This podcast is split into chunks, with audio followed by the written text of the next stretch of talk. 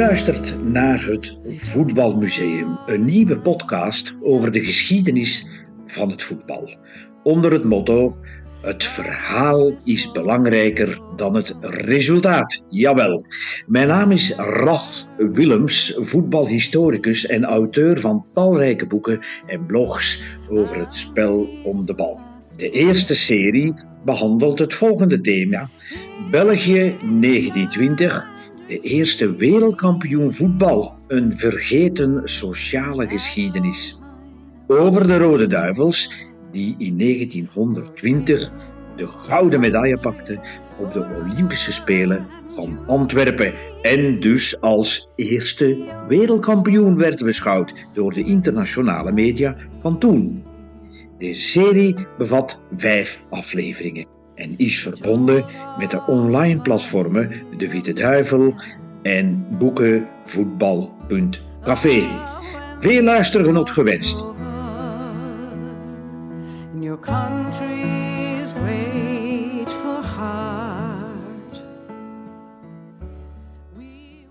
België de eerste wereldkampioen voetbal. Rode Duivels, winnaar Olympische Spelen Antwerpen 1920. Mijn naam is Raf Willems, voetbalhistoricus en auteur van talrijke historische werken. En we zitten bij aflevering 4 uh, van dit toch wel zeer speciale voetbalthema. Onder de titel Antwerps publiek fluit Rode Duivels uit in kwartfinale en juicht ze toe in halve finale. Dat lijkt mij iets dat alleen in Antwerpen mogelijk is. Maar het is in werkelijkheid dus gebeurd. In het Olympisch Stadion van Antwerpen met name, vandaag ook bekend als het Beerschotstadion. Ooit was dit een van de meest prestigieuze voetbaltempels van het Europese vasteland met onder meer een monumentale toegangspoort in klassieke stijl. In de zomer van 1920 met name. Toen stond deze Antwerpse volkswijk, het Kiel, wereldwijd in het brandpunt van de belangstelling, want de Olympische Spelen werden daar georganiseerd. Op 29 augustus liepen de Rode Duivels voor de gelegenheid in witte shirts voor het eerst op deze grasmat omstandigheid de kwartfinale van de Olympische Spelen. Tegenstander Spanje. Telkens in primeur, als het ware. Want niet eerder nam België deel aan het Olympische voetbaltoernooi. En voor Spanje waren het zelfs de allereerste interlands. De Spanjaarden kwamen nogthans goed voorbereid en scherp afgetraind voor de dag. En ze versloegen eerder in de achtste finale Denemarken. En ze hadden een verrassing in petto, een 19-jarige doelman van wereldformaat. Ricardo Zamora van FC Barcelona toonde zich die dag voor het eerst aan het internationale publiek. De zogenaamde Panter deed zijn naam alle eer aan met spectaculaire tussenkomsten. Zamora zou later en tot vandaag postuum geëerd worden met de trofee van beste doelman van de Spaanse competitie. Ondanks zijn sterke prestatie werd hij overklast door zijn rechtstreekse opponent Robert Copé. De rechtsbinnen van Union speelde de wedstrijd van zijn leven en legde het kritische Antwerpse publiek het zwijgen op want dat had stevig geprotesteerd.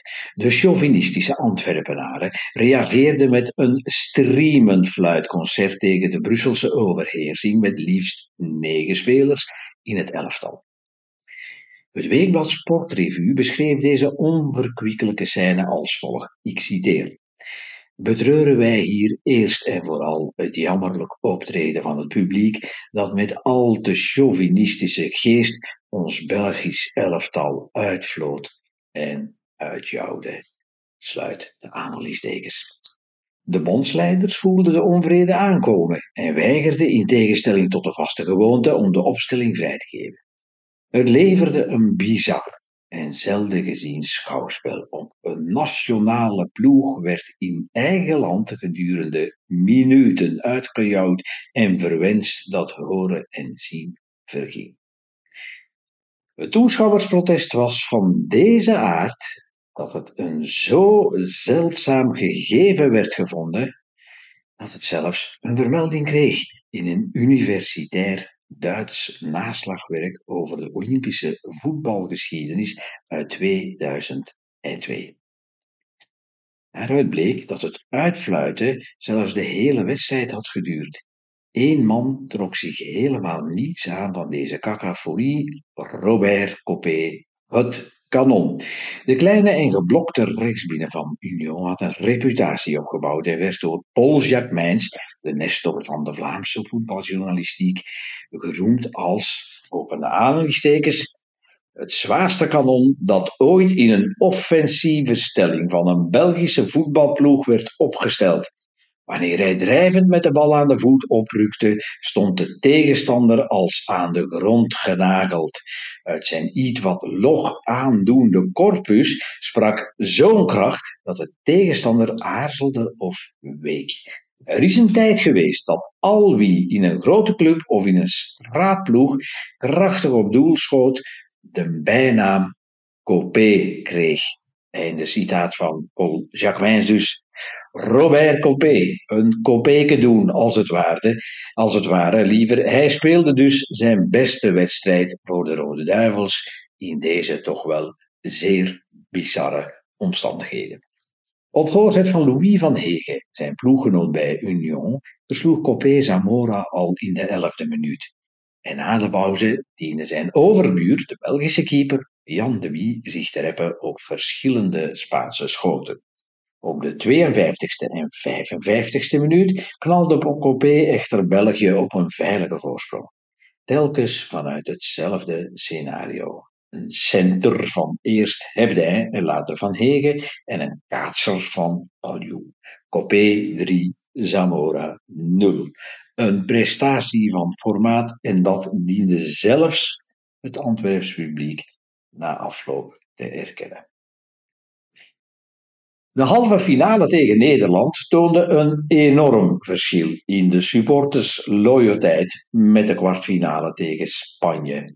Toen joelde de meerderheid van de toeschouwers dus de eigen spelers uit en nu besloot Sportrevue na de match, open aanhalingstekens, Nee, zo geestdriftig hebben wij onze bevolking op een voetbalmatch nog nooit gezien. Vele dansten, sprongen van vreugde, terwijl op honderden plaatsen onze driekleur tevoorschijn kwam.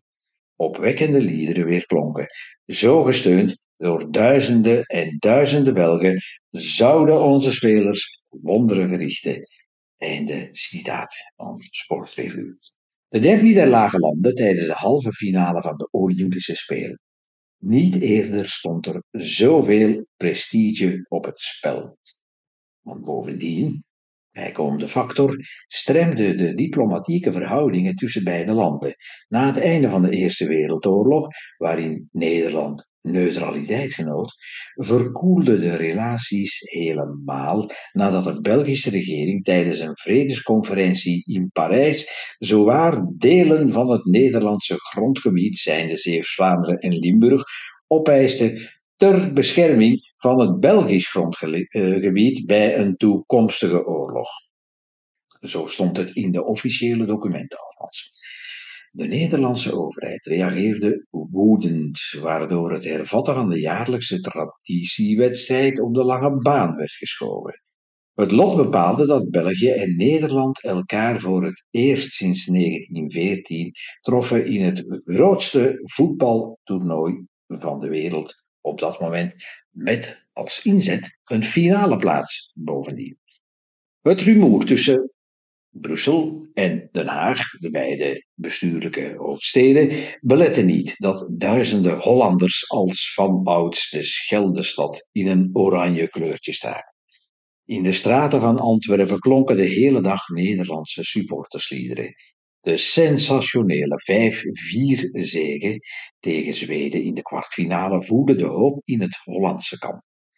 De Belgische bondscoach William Maxwell knoopte het protest van het publiek goed in de oren en verving de oude Brusselse vleugeltandem Nizo Hebdin door de jonge Antwerpse buitenspelers Larnoux van Beerschot en Bastijn van Antwerpen.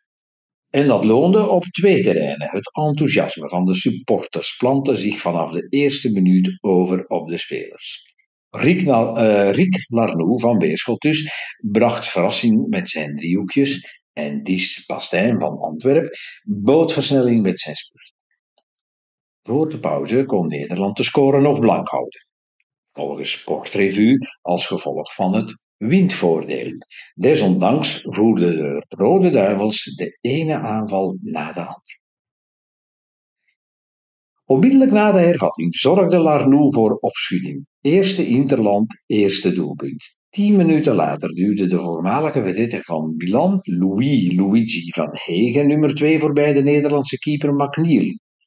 Oranje leek voor het uur reeds uitgeteld en de snelle Antwerpse linkervleugel drukte zijn stempel op het offensieve werk. In het midden draafde aanvoerder Emile Hansen onvermoeibaar in het rond en dichtte de ene bres na de andere. Zijn club Union leverde voor deze wedstrijd liefst vijf spelers. Hansen had de gave van het mentale overwicht, maar kwam voetballend slechts matig uit de verf. Hij hanteerde als lijfspreuk eerst de man, dan de bal, en beschouwde het als een belediging als hij een duel verloor. Dat overkwam hem dus niet in deze halve finale. Op het snelle en geëngageerde spel van de Rode Duivels kreeg Oranje geen vat. En de temperamentvolle centervoor Mathieu Bragard tussen krachtbron en verfijning in van Cercle Verviers-Trois knalde vijf minuten voor tijd het derde doelpunt binnen. De Nederlandse spelers trokken zich weinig van de nederlaag aan en wachtte nog een wedstrijd om de bronzen medaille, maar ze verkozen toch het genot van het Antwerpse nachtleven boven het Spartaanse spelerregime. De pers schreef nadien over de schande van de Schelde. De welgezochte wel de rust op, want drie dagen later wachtte de afspraak met de geschiedenis, de finale van de Olympische Spelen. En dit was aflevering 4 van België, de eerste wereldkampioen voetbal, Rode Duivels, winnaar Olympische Spelen Antwerpen 1920. Ah, young man, can you see now why they lie?